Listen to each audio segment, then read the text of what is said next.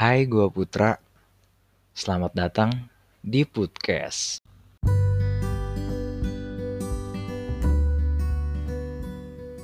Podcast ini bakal jadi media gue untuk bercerita mengenai keseharian gue yang biasa-biasa aja.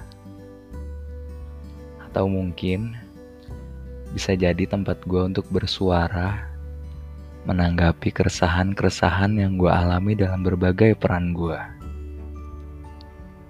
Mungkin keresahan gue saat menjadi anak, menjadi siswa dan mahasiswa, atau mungkin menjadi masyarakat dari republik yang tercinta ini. Jadi sekarang adalah episode 0 atau yang nanti bakal gue kasih judul episode alpha bisa ditunggu kelanjutan dari podcast ini nanti saat gue udah mulai tersandung dengan keresahan gue ke depannya.